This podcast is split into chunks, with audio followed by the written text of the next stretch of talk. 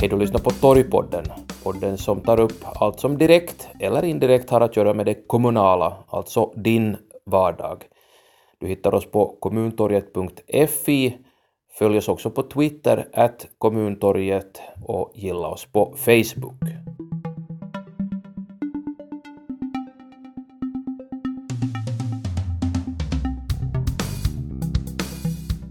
Johan Kvarnström, riksdagsledamot för eh, Socialdemokraterna. Vi har nyss eh, eh, varit med på ett seminarium för kustbanan får man väl säga, alltså för de människor som bor längs kustbanan mellan Åbo och Helsingfors. Och budskapet är väl i korthet följande. Man vill att få den i skick helt enkelt. Din syn på läget just nu, vilka är förutsättningarna för att möta de här önskemålen och kraven som befolkningen längs kustbanan ställer? No, för det första det är det ju fint att det, frågan får synlighet i och med den här typen av engagemang som den här medborgarrörelsen har mm. och, och, i och, och, i och med den här typen av evenemang. För det handlar ju inte bara om att kustbanan är i dåligt skick. Det, gör, det har ju gjorts de senaste åren en del förbättringar. Det vet alla som har pendlat. Det har varit förseningar på grund av banarbete. Mm. Så nu görs det, men det upprätthåller bara en nivå där man fortsättningsvis har det här problemet med att en försening leder till en annan i och med att det finns så få, så få avsnitt med dubbla spår. Så alla måste bli och vänta om, om det är en försening. Ja. Och det är ett problem, så kustbanan borde utvecklas och det där kanske... Det här, här finns ju kanske två bitar i det här dagens evenemang. Det ena gäller att, att, att kustbanan borde utvecklas, hur ska den få uppmärksamhet och hur ska det ske? Och sen den andra biten är hur det relaterar till det så kallade entimmeståget-projektet via Lojo. Just det äh, projektet Entimmeståget som hade framkommit, det handlar inte om ett entimmeståg utan kanske om en timme och en kvart ja, jag, alltid, jag försöker alltid säga så kallade. ja, just det. det där. Men kan man prata om, om en förbättring av kustbanan utan att prata om entimmestågen? Är de här i strid med varandra, de här två projekten? Om man kan säga det som så att om det så kallade entimmeståget skulle förverkligas så finns det en risk för att tågtrafiken från Karis åt Åbohållet dras in. Det är helt realistiskt och det vore väldigt synd och tråkigt. Men det finns ingenting som nu hindrar att man ska satsa på det här avsnittet på mellan Karis och Sjunde och där det behövs fler dubbla spår. Mm. Och det behövs ju nu för att det så kallade entimmeståget kan ju förverkligas tidigast om Nåja, vissa säger 2029 men beroende på planläggning och så vidare så kan det dröja 20 år. Och inte ska vi ju ha så här hackig tågtrafik i 20 år. Nej. Och inte 10 år heller. Plus att de säger också att den trafik, trafiken ska fortsätta nog.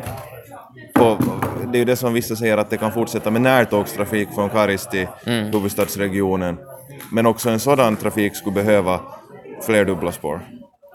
Det talades här om att den här frågan som rör kustbanan har kanske inte marknadsförts tillräckligt. Samtidigt så verkar det som att den här timmeståget, om man får tro den här kritiken som fördes fram här idag, handlar bara om marknadsföring och kanske på falska grunder.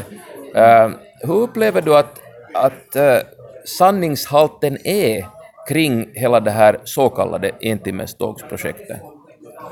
Kanske så skulle jag uttrycka det så att det tål inte ju, det säger redan namnet säger någonting att det inte tål kritisk granskning. Mm. Det är nära på en timme om man inte stannar på alla stationer och om man kör det från Kuppis till Böle och om man får den här nya bantekniken så att man kan ha snabbare tåg.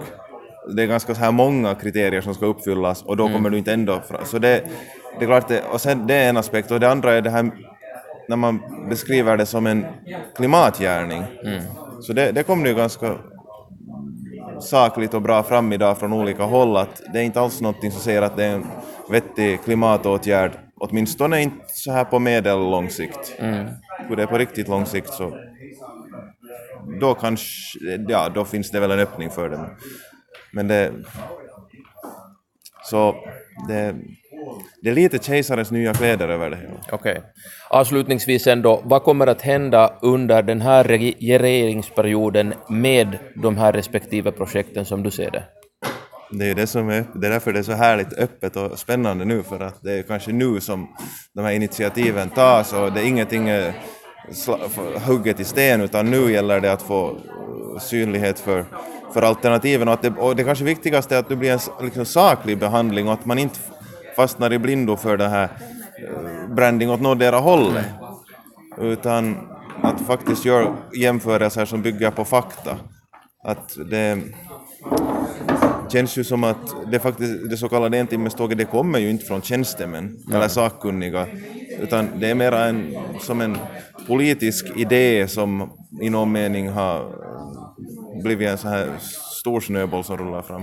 Men av de här två så verkar det ju ändå som så om man tänker på uh, vilka lov som behövs och vilken planering som behöver göras, så en förbättring av kustbanan ligger betydligt närmare än uh, entimmeståget, det så kallade.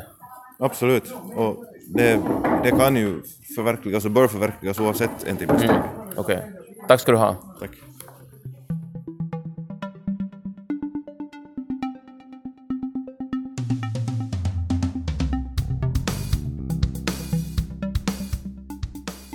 Anders Adlercreutz, riksdagsledamot för SFP. Du var sent i det här seminariet ja. om tågförbindelser just på grund av tågförbindelser. Ja. Eh, du är från Kyrkslätt, där har ni upplevt att just de här tågförbindelserna har försämrats mm. ganska rejält ja. de senaste åren. Så där i ett nötskal, vad är det stora problemet just nu om vi pratar om kustbanan? Det stora problemet just nu är, är det att, att kustbanan är en enspårig bana på ganska stora eh, ganska, en ganska stor del av sträckan mellan Åbo, Åbo och Helsingfors, så när vi har både fjärrtrafik och lokaltrafik som samsas om den här kapaciteten, så nedprioriterar man sen ofta då lokaltrafiken. Om Åbo-tåget till exempel är försenat så försenas lokaltrafiken och så vidare. Så det är liksom en, ska vi säga, ett ganska känsligt pussel där, där, där, där små förseningar någonstans lätt leder till att hela korthuset rasar. Eh, det var antagligen orsaken till att jag var lite sen idag. Vi stod och väntade på, på, på något, tåg där i en 10-15 minuter mm.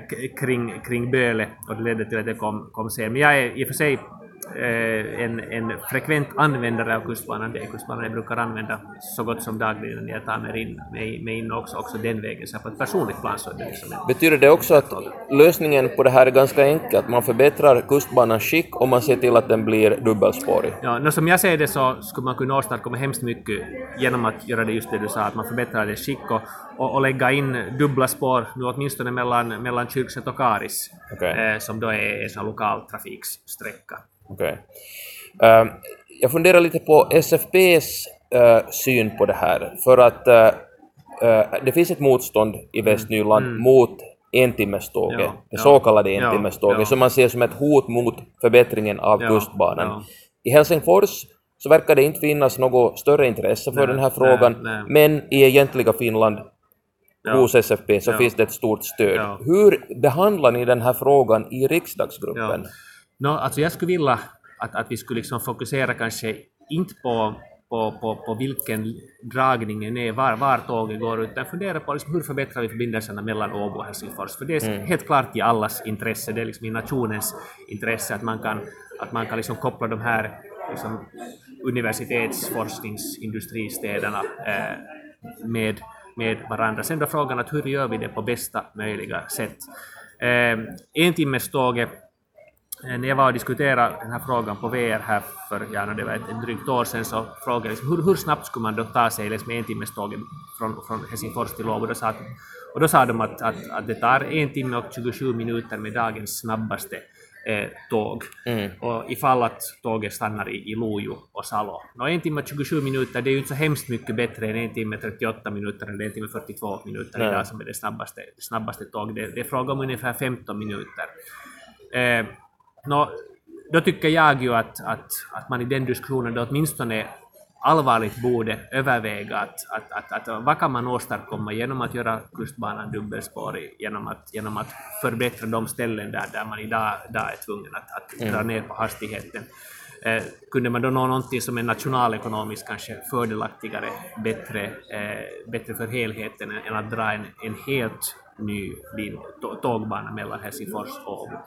Sen säger jag ju också att, att, att, att, eller jag tycker att det är helt viktigt att vi, att vi ser på hela Helsingforsregionen som en större helhet, funderar på hur man kunde förbättra eh, pendlingen från Lojo, Nummela, Vihtis, eh, Veikkola, Kista in till Helsingfors. Och med tanke på den dragning som nu Entimmeståget föreslås ha så, så, så är det ju en dragning som egentligen inte betjänar den här lokaltrafiken speciellt bra. om vi skulle förbättra kustbanan, göra den dubbelspårig, satsa några hundra miljoner på den, eh, bygga en, en stadsbana från, från Esbo eh, via Hista, Veikkola, Nummela eh, till centrum av Loui så tror jag det kunde vara en, ett bättre alternativ. Okej, okay. så att jag tolkar det som så att, att det här så kallade entimmeståget, det projektet just nu är kanske mera snack än uh, någonting som skulle vara konkreta goda effekter, medan kustbanan är en ganska enkel åtgärd för att åstadkomma det som man vill. Ja, alltså det, det är en enkel åtgärd för att åstadkomma en snabbare förbindelse mellan Helsingfors och Åbo. Man kommer inte upp till ett en timmes tåg, men, mm. att, men att man kan säkert komma upp till ett en timme 15 minuters, en timme 20 minuters tåg genom att, genom att förbättra kustbanan. Om man då tänker på eh, satsningen på en timmes tåget. Det är ungefär två miljarder, man tänker att det är ungefär två miljoner människor som åker på den. Två miljarder eh, kapitalkostnader ungefär 100 miljoner årligen för två miljoner människor. Det är då 50 miljoner per, mm.